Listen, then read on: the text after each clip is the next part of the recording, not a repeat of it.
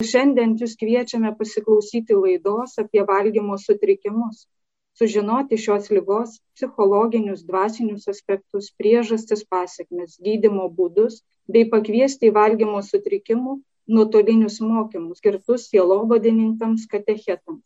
Šioje laidoje savo patirtimi bei išvalgomis apie valgymo sutrikimus dalinsis brolis Marek iš Vilniaus pranciškonų vienuolyno. Garbėsiu Kristui. Taip pat Vilniaus miesto psichikos sveikatos centro valgymo sutrikimų skyriaus psichologė Veronika Mudėnaitė Savickienė. Sveiki bei Vaida Zigutė, bendruomenės veikstantiesiems nuo valgymo sutrikimų lengva plunksna įkūrėja. Garbėjai Jėzui Kristui. Ir šią laidą moderuosiu aš, Rasa Kamarauskaitė, VDU religinio švietimo studentė. Kai kurie mūsų Marijos radio klausytojai galbūt pirmą kartą išgirdo apie valgymo sutrikimus. Kviečiu pasidalinti savo išvalgomis ir žiniomis. Veronika kaip manote kaip galima apibūdinti kas tai yra per liga? Kai išgirstu šitą klausimą nėra taip lengva atrodo apibendrinti nes valgymo sutrikimai iš tikrųjų labai platūs kompleksiški ir apimantys įvairias žmogaus gyvenimo sritis turbūt pabandysiu trumpai pasakyti kad be abejo kad tai paliečia pirmiausia ar ne ir kūną. Tai žmogui darosi sunku priimti save ar savo kūno dalis. Atsiranda didžiulė baimė priaugti svorio noras kontroliuoti tą svorį įvairiais būdais kurie aišku yra nu žalojantys save. Viduje taip pat yra didžiulis nepasitikėjimas dažnai savimi savo jėgomis savimi kaip žmogumi ligos balsas dažnai lydimas yra be galo didelės kritikos sau tiesiog toks puolantis graužiantis save stumiantis gilyn į ligą į nepasitikėjimą savim į augančius reikalavimus sau kurių niekada negana ir atrodo aš numesiu dar svorio šiek tiek ir bus geriau truputį labiau pasitikėsiu savimi aš atrodo truputį labiau kontroliuosiu savo gyvenimą bet tas balsas nenutyla jis tiktai gilėja ir aišku žmogui tada darosi sunku ir bendrauti ir kurti santykius ir dirbti ir mokytis nes nuo nepakankamos mitybos sunku yra ir įsiminti ir sutelkti dėmesį. Ir atsiranda ir nuotaikos bėdų gali būti ir depresija ir didžiulis nerimas ir nuotaikų svyravimai ir dirglumas ir tokie pykčio priepuoliai. Žmogus sukasi tokiam didžiuliam kančių rate tai galbūt taip nesigilindama į kiekvieną sutrikimą atskirai apibendrinčiau maždaug taip. Kaip galima atpažinti šios ligos požymius sakykime tėvams? Taip irgi labai svarbus klausimas ar ne nes iš vienos pusės kartais gali būti ir sunku tą pastebėti nes tas žmogus linkęs tą labai slėpti tai drastiškai nukritęs svoris gali būt maskuojamas plačiais kažkokiais rūbais. Galima pastebėti tam tikrą elgesį kad žmogus pavyzdžiui atsisako kas buvo įprasta pavyzdžiui namuose vakarienę valgyti kartu ima atsisakyti tam tikrų produktų mažina porcijas pradeda ilgai valgyti ilgai kramtyti. Taip pat gali rasti artimieji daug maisto pakuočių ar ne jeigu žmogus linkęs persivalgyti gali būti tam tikros maisto šalinimo tai yra vėmimo žymės ar ten kvapas nu žodžiu visokie dalykai. Aiškiausias būtų tai turbūt ar elgesio susijusio su maistu maisto įpročių pasikeitimas gali būti svorio kritimas. Ir kaip anksčiau minėjau ar ne tai gali būt vat ir tokie nuotaikos dalykai sunkumai susikaupti aukšti reikalavimai sau perfekcionizmas savivertė pasišlykštėjimas savo kūnu nepriėmimas savo kūno dažnas svėrimasis. Ir šalia to gali būti kad žmogus problemą neigia kad ir lieka pastebėtas bet iš pradžių gali būt jam sunku tą priimti ir pripažinti kad tai iš tikrųjų yra bėda ir kad tai tampa nekontroliuojama ir turi pasekmių tiek psichologinei savijautai, tiek fiziologiniai kūno. Norėčiau dar irgi paklausti, kokiame amžiuje dažniausiai ji pasireiškia. Paauglystė yra labai kritinis laikas, kai žmogus iš vaikystės pereina į saugystę ir tame kritinėme laikotarpyje galimos visokios išeigos, visokios reakcijos į tam tikrus vidinius ar išorinius trigerius vadinamuosius. Be abejo dėl to paties pereinamojo laikotarpio sudėtingumo taip dažnai tai nutinka būtent paaugliams. Aišku verta žinoti tai kad susirgimų amžius vis jaunėja ir jeigu anksčiau statistiškai buvo laikoma kad susergama vidutiniškai trylikos keturiolikos metų dabar ta riba jau krenta ir iki vienuolikos metų ir tai tikrai verčia mus visus susimąstyti kodėl tokie dalykai vyksta. Lygiai taip pat bendruomenėje ir įvairiose pagalbos grupėse esu sutikusi atvejų kai žmonės šia liga suserga tiesiog patyrė kažkokį labai stiprų sukrėtimą didžiulę krizę iš kurios neranda kitos išeigos ir kito būdo išeiti kaip tik tokiu psichologiniu fiziologiniu dvasiniu būdu nes tai viskas yra tarpusavyje susiję. Broli marek kai jūsų noriu paklausti kadangi liga yra kompleksinė kokios gali būti dvasinės priežastys valgymo sutrikimų? Kiek jūs esate susidūrę savo praktikoje?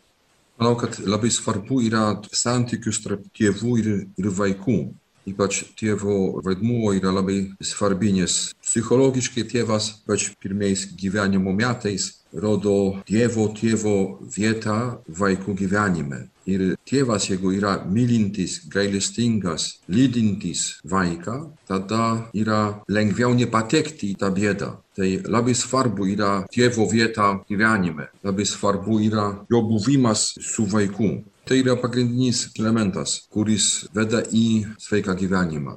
Ačiū. Veronika gal jūs dar galėtumėte paminėti kitas priežastis apart tėvų? Iš tikrųjų labai nemaža dalimi turi įtakos genetika.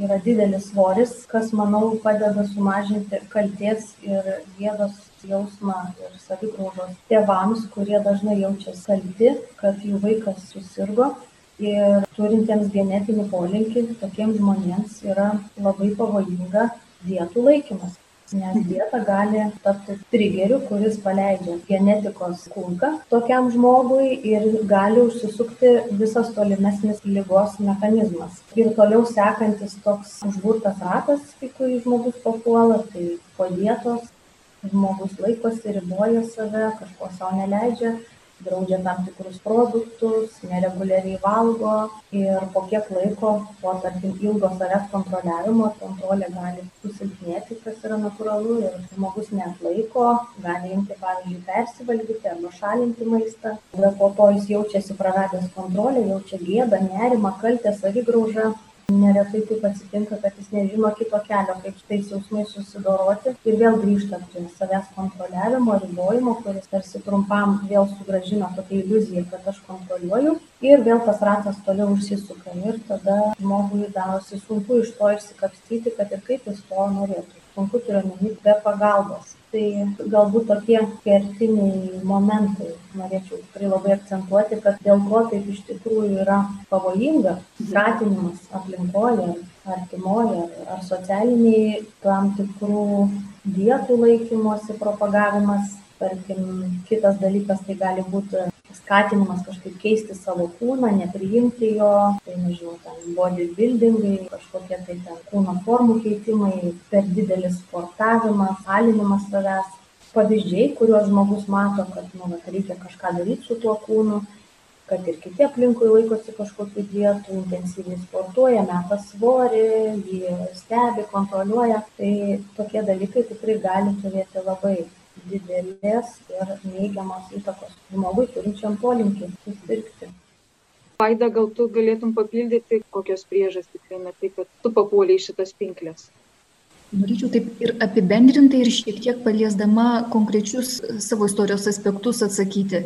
Vieta apie genetinį paveldimumą ir apie tėvų santykius yra labai svarbi dėl kelių priežasčių viena vertus nėra nė vienos nesužeistos šeimos. Mes turime pradžios knygą kurioje yra papasakotos kelių sužeistų pirmųjų šeimų istorijos. Ir tai jau mums rodo pavyzdį kaip po gimtosios nuodėmės mūsų santykiai dėliojasi tiek šeimoje tiek tarpusavio santykiai. Tai tai yra neišvengiama. Labiau klausimas kyla kodėl vieni vaikai paaugliai ar suaugusieji jie patyrę tuos sužeidimus reaguoja tokia liga ligos priežastys jeigu taip irgi žiūrėti plačiąja prasme tai gali būti ir labai stiprios patyčios mokykloje ar tarkim kažkoks psichologinis spaudimas šeimoje tai gali būti fizinis smurtas šeimoje tai gali būti seksualinis smurtas ar šeimoje ar už jos ribų. Bet lygiai taip pat gali būti teoriškai visiškai sveika šeima kuri turi tam tikrų kažkokių tarpusavio santykių sužeidimų. Šeimoje kylančių priežasčių amplitudė yra labai plati ir man regis čia neišvengiamai kiekvienas sirgęs pasveikęs ar sergantis iš tikrųjų atsisuka į savo šeimos į savo genetinę istoriją ir bando suprasti kas ten dėliojasi ir kas ten įvyko. Ir kiekvienas išties randa kitus atsakymus bet ką svarbu mums visiems žinoti kad liga yra gydoma penkiasdešim šešiasdešim metų. Gydymo istorija tesiekė tik tokį laiką. Anksčiau tokios ligos nereikėjo gydyti. Man tai kelia vidiniai asmeniniai pasvarstymai jie neturi teorinio pagrindo bet iš tiesų labai daug galvoju kad tai gali būti susiję ir su laikmečiu ir su amžiumi ir su dvidešimtuoju amžiumi kuris iš tikrųjų yra kupinas daugybės žiaurumų kurie labai akumuliavosi labai viskas susikrovė į vieną vietą ir įvairiuose žemynuose. Ir iki šiol mes dabar gyvename nepatirdami nei priespaudos nei kitų dalykų bet kas dedasi kituose žemynuose kur irgi yra vykdomi tautų genocidai tokie dalykai jie negali likti be pasekmių iš pirmo žvilgsnio gali atrodyti kad tai sąsajos yra labai tolimos bet kai asmeniškai su tuo susiduri tai supranti kad kompleksas yra labai didžiulis ir tenka tikrai giliau į tai žiūrėti. Vaida, dar kyla toks klausimas. Labai džiugu ir labai smagu, kad yra gyvas pavyzdys, kai matom tikrai ne vieną žmogų pasveikusi, bet tavo istorijoje, kas lėmė, kad po 20 metų ar pokytis veikimo link? Procesas matom labai ilgas procesas ilgas ir mano istorija su dvidešimt metų toli gražu nėra pavyzdinė. Tai nėra tas atvejis į kurį reikėtų lygiuotis. Priešingai iš to reikėtų mokytis kaip neturėtų būti. Susirgau kaip daugeliu atvejų kalbėjome ankstyvoje paauglystėje kadangi tai buvo jau senokai neturėjome iš tikrųjų ir tokių kompleksinių gydymo metodų kokie yra prieinami dabar kas yra svarbu ir ką galbūt veronika dar paminės kad labai svarbu gydymą pradėti laiku ir neuždelsiant nes tuomet yra daug didesnė pasveikimo tikimybė. Mano atveju taip medicininis gydymas nes jis irgi yra neišvengiamas. Jis tikrai buvo pradėtas laiku bet psichologiniai dalykai jie kaupėsi ir krovėsi toliau. Viena iš padėjusių pasveikti priemonių yra psichoterapija kuri tikrai man irgi mano atveju buvo ilga ir netgi labai ilga. Greičiausiai tai yra dėl to kad iš tikrųjų buvo tam tikri procesai jie labai įsisenėjo ir tam, kad juos išvedinti, iškelti, patraukti, reikėjo labai daug, labai daug laiko. Ir be abejo, paskui yra kitas etapas - dvasinis gyjimas. Jeigu mano istorijoje dvasinis gyjimas prasidėjo labai goje, tai gali būti kitokia istorija, kai žmogus turi galimybę derinti ir psichologinę, ir dvasinę pagalbą kaip šią ligą gydyti arba kokie būdai paprašysiu jūsų veronika pasidalinti o po to brolio marek taip tai ačiū vaidai už pasidalinimą ir aš manau kad tavo pasidalinimas tikrai gali žmonėm įkvėpti vilties kad niekada nevėlu pradėti gydytis ir sveikti nuo valgymo sutrikimų ir reikia kovoti su ta liga nesvarbu kiek tai užtruks ar ne ir kiek kartų aš parklupsiu pargriūsiu ir vėl stosiuos nes sveikstant nuo šitos ligos yra beveik neišvengiami atkryčiai paslydimai ir kiekvieną kartą suklupus per tą atkrytį reikia atsistoti ir vėl bandyti bandyti suprasti kas mane paveikė ką galėčiau ateity daryti kitaip ir pastebėti tuos ženklus kelyje kurie rodo kad tuoj tuoj tuoj vėl pradėsiu laikytis dietos ar persivalgyti ar šalinti maistą ir ką man su tuo daryti. Tai aišku kad kuo anksčiau yra kreipiamasi apskritai nuo ligos požymių pradžios tuo didėja tikimybė pasveikti dėl to labai svarbu atpažinti tuos pirmuosius požymius pirmuosius pavojaus varpus kurie jau rodo kad galbūt judama link valgymo sutrikimų arba jau yra tame kelyje. Bet kaip minėjau svarbu ir nu niekada nepasiduoti ir neprarasti vilties ir vis tiek bandyti gydytis. O gydymas iš tikrųjų yra įvairiapusis nes liga apima kaip minėjau pradžioje daug sričių. Tai yra ir ir santykių sfera psichologinę sferą ir kūno sferą. Sveikstant labai svarbu dėl to yra visa komanda specialistų kurie padėtų. Tai yra ir gydytojas dietologas kuris padėtų išmokti reguliariai maitintis ir maitintis tinkamu kiekiu nes žmogui kuris laikosi dietų išsibalansuoja alkio ir sotumo pojūtis ir jis gali nebesuprasti, ar jis yra alkanas, ar sotus, ar jis jau pavalgė, ar jis jau sotus, ar laikas sustoti. Jisai gali turėti neigiamų nuostatų į maistą, kad tam tikri produktai yra negeri, jų reikia vengti, nevalgyti, jis gali riboti, valgyti per mažai, pavyzdžiui, arba per taurą racioną. Paprastai tikrai netrumpą laiką užtrunka, kol žmogus valgydamas mechaniškai, tai yra tinkamu laiku, tinkamais tarpais tarp valgių, tinkamom porcijom, susigrąžina tą sveiką alkio sotumo pojūtį ir sveikesnį santykį su, su maistu. Tas užtrunka tikrai ilgai, dėl to reikia ir dietologo pagalbos daug. Vėliau galima pereiti į tokį labiau jau svesnį valgymą, intuityvų, pasitikint savo pojūčiais, bet irgi su specialisto priežiūra. Tas tikrai užtrunka tikrai ne, ne vieną ir ne du mėnesius ir ne pusę metų, tai tikrai ilgai. Kitas dalykas reikalinga ir psichologinė pagalba, tai psichologas ar psichologas psichoterapeutas, kuris lydi kelyje tą žmogų ir padeda mokytis tvarkytis su savo jausmais, sunkumais, išgyvenimais tinkamai. Tai yra ne per maisto ribojimą, šalinimą ar persivalgymą reguliuoti savo jausmus, tinkamai išmokti sureguliuoti savo vertės jausmą, sumažinti tą lygos kritišką balsą, aukštus reikalavimus perfekcionistinius galbūt išmokti kartais išbūt su savo jausmais ir nepulti kažką daryti su jais. Nes iš tiesų kartais žmogus, kai netenka daug svorio, jis iš tiesų gali pradėti tarsi jausti mažiau jausmų. Ir jam darosi truputį patogu tame būti, nes jis toks tampa drungnas. Ir kai svoris auga, gali truputį būti baisu, kad o atsiranda ir pyktis, ir nerimas, ir liūdėsys, ir nusivylimas, ir džiaugsmas visa puokštė jausmų, kurio žmogaus gyvenimas yra pilnas ir tai yra normalu, bet jis gali nemokėti su tuo būti, jais pasinaudoti, tai tam vat, yra ir psichologas, ir psichoterapeutas, kuris padeda juos pažinti, įsisamoninti, mokytis juos išreikšti, jais tinkamai pasinaudoti, džiaugtis gyvenimu, nepasiduoti bindomai savo jausmų, taip pat priimti save, savo kūną, savo patirtis, jas integruoti į tokią mozaiką prasmingą savo gyvenimo ir savęs mozaiką, kurioje kiekviena detalė yra reikalinga. Tai yra mano patirtis, mano išgyvenimai, mano jausmai. Tai man atrodo, žmonėms, kuriais dirbu valgymo sutrikimų centre, dažnai ir pasinaudoju vaidos pavyzdžių, kad net ir tokios baisios lygos gyvaizdoje, man atrodo, vaida sugebėjo net tą patirtį integruoti tą mozaiką ir netgi atrasti prasmę savo patirtyje, dalindamasi ją su kitais, padėdama kitiem, įkvėpdama, padrasindama, kažkur būdama šalia, kai to labai reikia, ar artimiesiems, ar patiems sergantiesiems, irgi svarbus pavyzdys, kad aš galiu visas savo patirtis sudėti į vientisą paveikslą. Kartais, aišku, dar sveikimo kelyje gali prisireikti ir gydytojo psichiatro, ar ne, jeigu tai yra ir kažkokie nuotaikos sunkumai, didžiulis nerimas, depresija, nemiga ar kiti dalykai, nes valgymo sutrikimas tuo dar pavojingas, kad jis dažnai eina greta su kitais sutrikimais ir sunkumais, psichologiniais, psichiniais ir juos reikia taip pat tvarkyti viską kartu.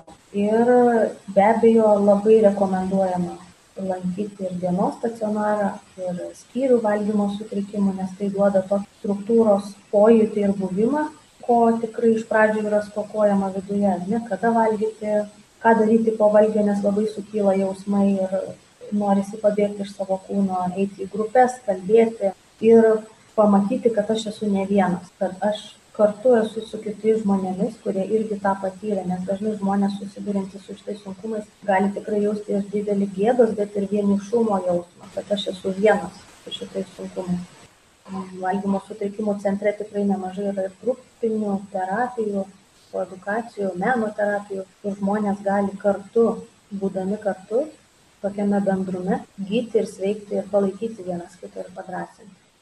Ačiū Veronika už tokį išsamų atsakymą, kas padeda gyti ir sveikti. Norim sužinoti, ar gali dvasininkas padėti sergančiam tikinčiajam ir kokios būtų tos dvasinės priemonės, praktikos žmogui, na, siekiančiam, norinčiam išgyti šios lygos. Pradžioje norėčiau pasakyti, kad pirmieji psichoterapeutai tai yra tėvai. Ir vaikas turi teisę išgirsti iš savo tėvų, ypač iš tėvo, tu esi mano mylimasis sūnus, tu esi mano mylimąją dukra, aš tavimi gerbiuosiu.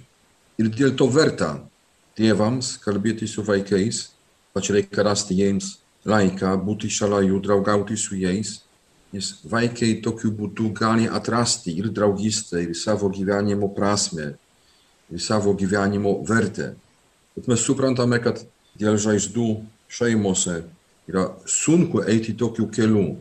Dėl to Dievas mums padeda, Dievas užstoja ir tėvą, ir motiną. Šventas raštas sako, kad Dievas taip pamilo pasaulį, kad davė savo vienatinį sūnų, kad kiekvienas, kuris įtiki, nepražūtų, tai verta išgirsti asmeniškai tos žodžius. Dievas taip pamilo mane, kad aš nepražūčiau. Ir man davė Jėzų, kuris buvo už mane nukryžiuotas ir prisikėlė. Ir nėra per vėlių išgirsti tos žodžius. Tai jis mus visada kviečia savo malonę ir kalba mums šventame rašte. Ir verta ir kontempluoti Jėzaus veidą. Nes kuo ilgiau žiūrėsime Jėzaus gailestingumo veidą, tai ir mes tą veidą pamatysime savyje. O kai pamatysime savyje, tai pradėsime iš naujo gyventi. Ačiū.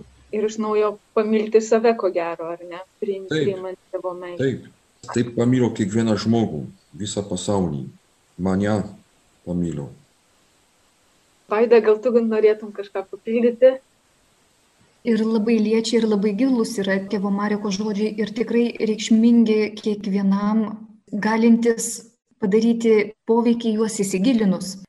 Ir kalbant apie dvasinį aspektą, tai iš ties tik praėjus ilgam laikui po pasveikimo ir pabuvusi kelerius metus tikėjime, nes iki to buvau visiškai netikinti, po to pradėjau matyti, kiek daug dvasinių aspektų turi e, šios lygos, iš kurių pažįstu abi, teko savo kailiu jas patirti. Tai vienas dalykas, kad yra labai daug iškreipimo, yra labai daug gyvenimo netiesoje ir mele. Tai yra, kad labai stipriai išreikštas stokos pojūtis. Bet šitie dalykai mane labai kabina ir norisi iš tikrųjų eiti į gilį per juos, nes stoką mes jaučiame kiekvienas, bet būtent anoreksija, bulimija ar emociniu valgymu sergantieji, jų gyvenime tai yra ypatingai stipriai išreikšta, nes tai, kad aš manipuliuoju maistu, tai jau be abejo rodo, kad tai yra kažkas susiję su alkiu ir sotumu. Bet ar tai yra susiję su kūno alkiu, va čia yra pagrindinis klausimas. Ir įvyksta tas klaidos režimas, į kurį aš pereinu, tai yra, kad vietoj to, kad aš rūpinčiausi maistu sielai ar sielos tobulumu, aš staiga pradedu rūpintis kūnu. Aš tiesiog supainioju. Man atrodo, kad e, būdama kabutėse geresnių kūnų, būsiu geresnis žmogus. Ir jeigu taip žiūrėti ar ne iš teologinės perspektyvos, ir net iš psichologinės perspektyvos, tai yra tokia didžiulė klaida, toks apvertimas tikrųjų dalykų, iškreipimas. Kitas dalykas, irgi labai neseniai patyriau, kad yra labai daug tamsos sergant tai yra kad kiekvienas rytas kiekvienas rytas yra nepriklausomai nuo to gali turėti sėkmingą profesinį gyvenimą, gali turėti kažkokių kitų pasiekimų pasaulyje ar kitų džiaugsmų, žmogiškų džiaugsmų, bet nepaisant to, kiekvienas rytas prasidėdavo siaubinga tamsa ir jausmas, kad tai yra netikra, kad turėtų būti kitaip, kad tai netikras mano gyvenimas. Ir paskutinė mintis, kurią norėčiau atreaguoti irgi tėvo Mareko pasakytą teiginį apie žiūrėjimą į Jėzų ir Jėzaus veidą tai kas yra būdinga ligoje mes labai žiūrime į savo atvaizdą veidrodyje. Žmogus sergantis anoreksija ar bulimija į atvaizdą veidrodyje žiūri ne dėl to kad juo žavisi ar kad jis yra labai gražus priešingai ar ne jisai žiūri iš tokio pasibjaurėjimo ir bandymo ieškoti kur tą patobulinti. Vėlgi o ką žmogus žiūrėdamas į savo atvaizdą veidrodyje ką jis gali gauti kokį jis gali gauti peno sielai kūrinys žiūrintis į savo atvaizdą veidrodyje ir kad visgi kūriniui reikėtų žiūrėti į kūrėją. Šitam kontekste tikrai matosi, kad tie sutrikimai turi labai didžiulį miksą, kompleksą ir psichologinių, ir dvasinių, ir fiziologinių priežasčių. Aš dar norėčiau papildyti šiek tiek, jeigu galima, prie to atsveikimo kelio. Ir vaizdžiai kalbant, tai valgymo sutrikimas žmogaus gyvenime atsiranda ir tampa tam tikra lazdelė ramstis lazda kuriuo jisai ramstosi na kaip minėjau ar ne bando atlaikyti tam tikrus sunkumus žemą savivertę ir įvairius nemalonius išgyvenimus ir mėginimą sukontroliuoti tai ko negali sukontroliuot gyvenime. Ir kuo jisai ilgiau vaikšto su ta lazdele ramstydamasis tuo labiau apleidžia kitus būdus kuriais galima išmokti būti suprasti savo vidinius išgyvenimus juos pakelti išmokti jais pasinaudoti ir dėl to sveikstant kažkas tą lazdelę turi perimt tokie sveiki dalykai.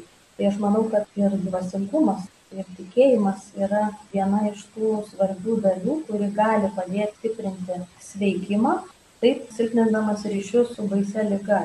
Kažkas turi ateiti konstruktyvaus į tą vietą. Tai aš manau kad tikėjimas tikrai gali užimti svarbų vaidmenį sveikimo kelyje Ačiū Veronika, čia labai puikiai siejasi su sekančiu tokiu klausimu. Ar yra jungtis tarp bažnyčios tarnų ir psichologų? ar kartu bendradarbiauja su sergančiaisiais, teikiant, sakykime, ne tik psichologinę, psichoterapinę pagalbą, bet ir sielovadinę dalį.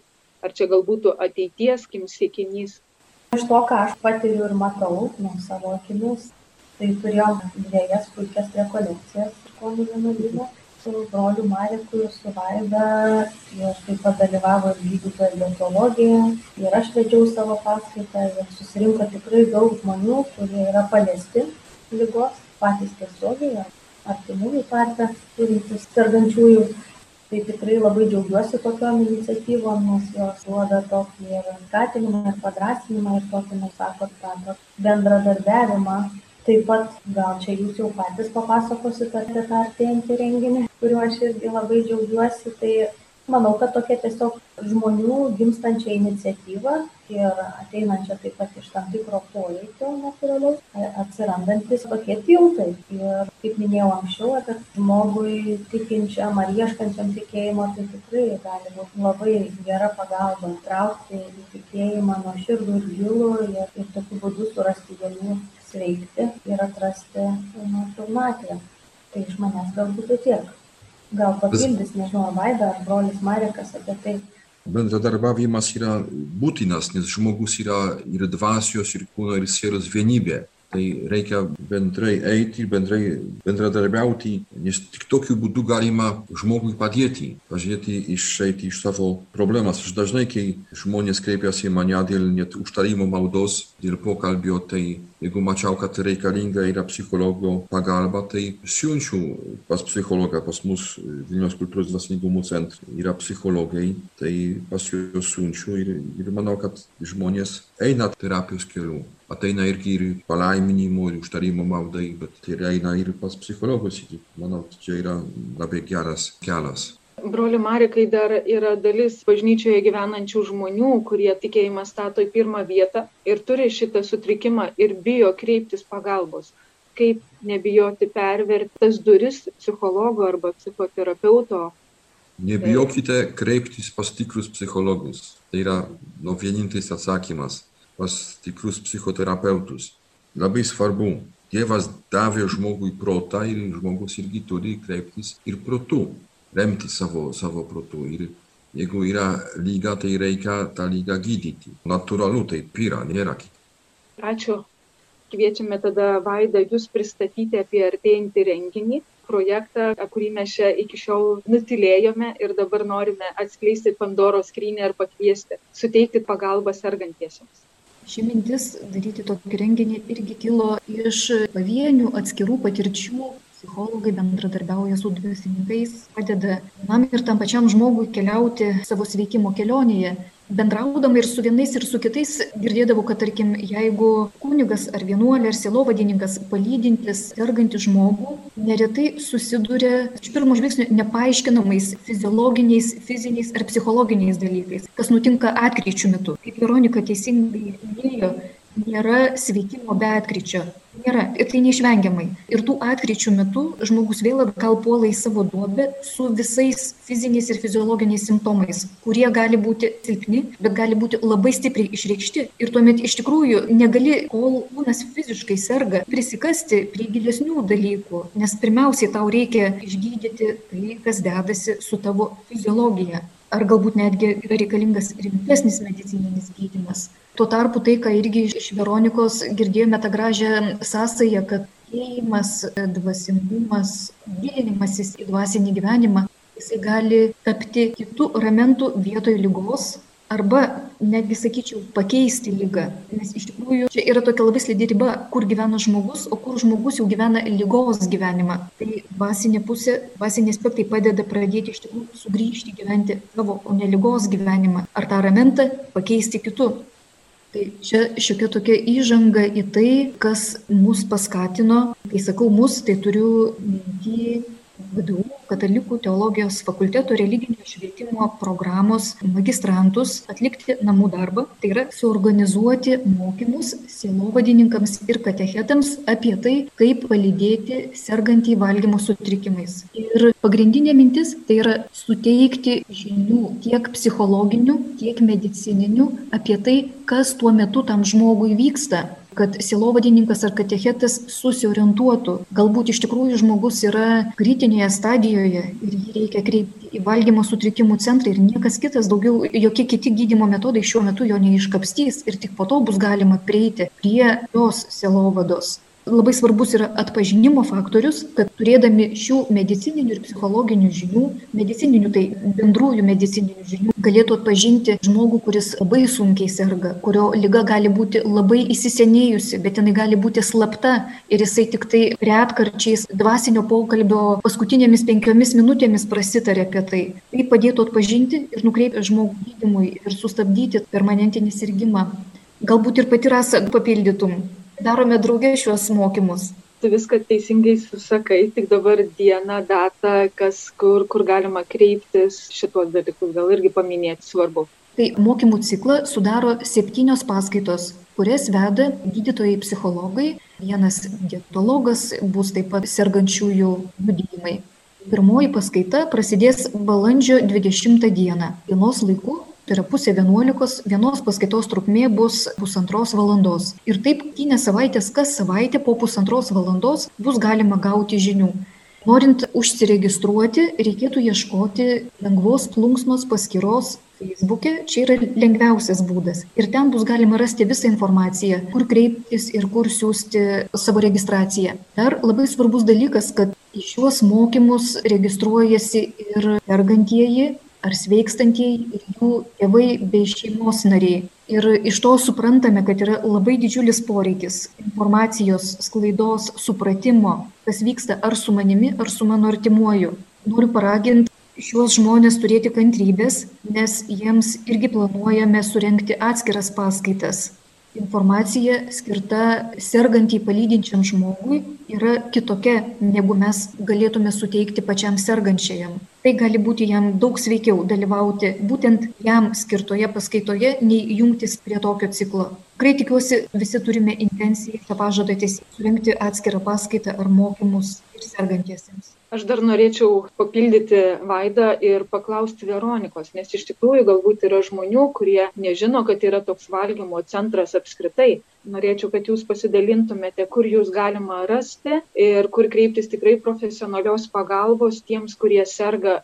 Taip iš tiesų svarbus klausimas svarbu paminėti kad padėtume greičiau susigaudyti žmogui kur kreiptis tai valgymo sutrikimų centras yra vilniaus miesto psichikos sveikatos centre adresu vasaros gatvė penki.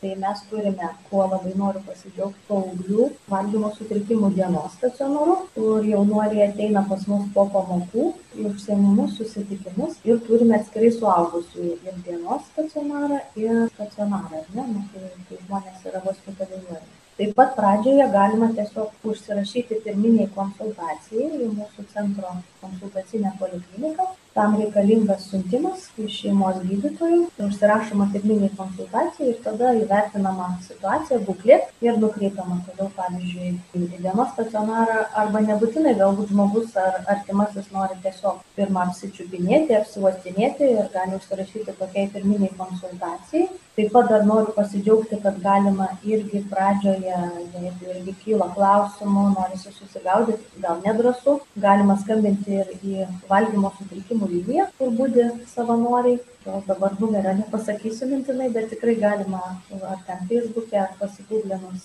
ją rasti. Čia irgi toks naujas dalykas, tai jie tikrai padeda irgi žmogui susigaudyti, nukreipti ir jį kartais padrasinti ir motivuoti ieškoti profesionalios pagalbos. Ačiū Veronika, mūsų laida jau bėga į pabaigą ir aš iš tiesų noriu labai Jums padėkoti, kad skiriate laiko pasidalinti savo išvalgomis, patirtimis, pagalbos būdais bei už tai, kad padedate tiems, kam Jūsų pagalba yra reikalingiausia.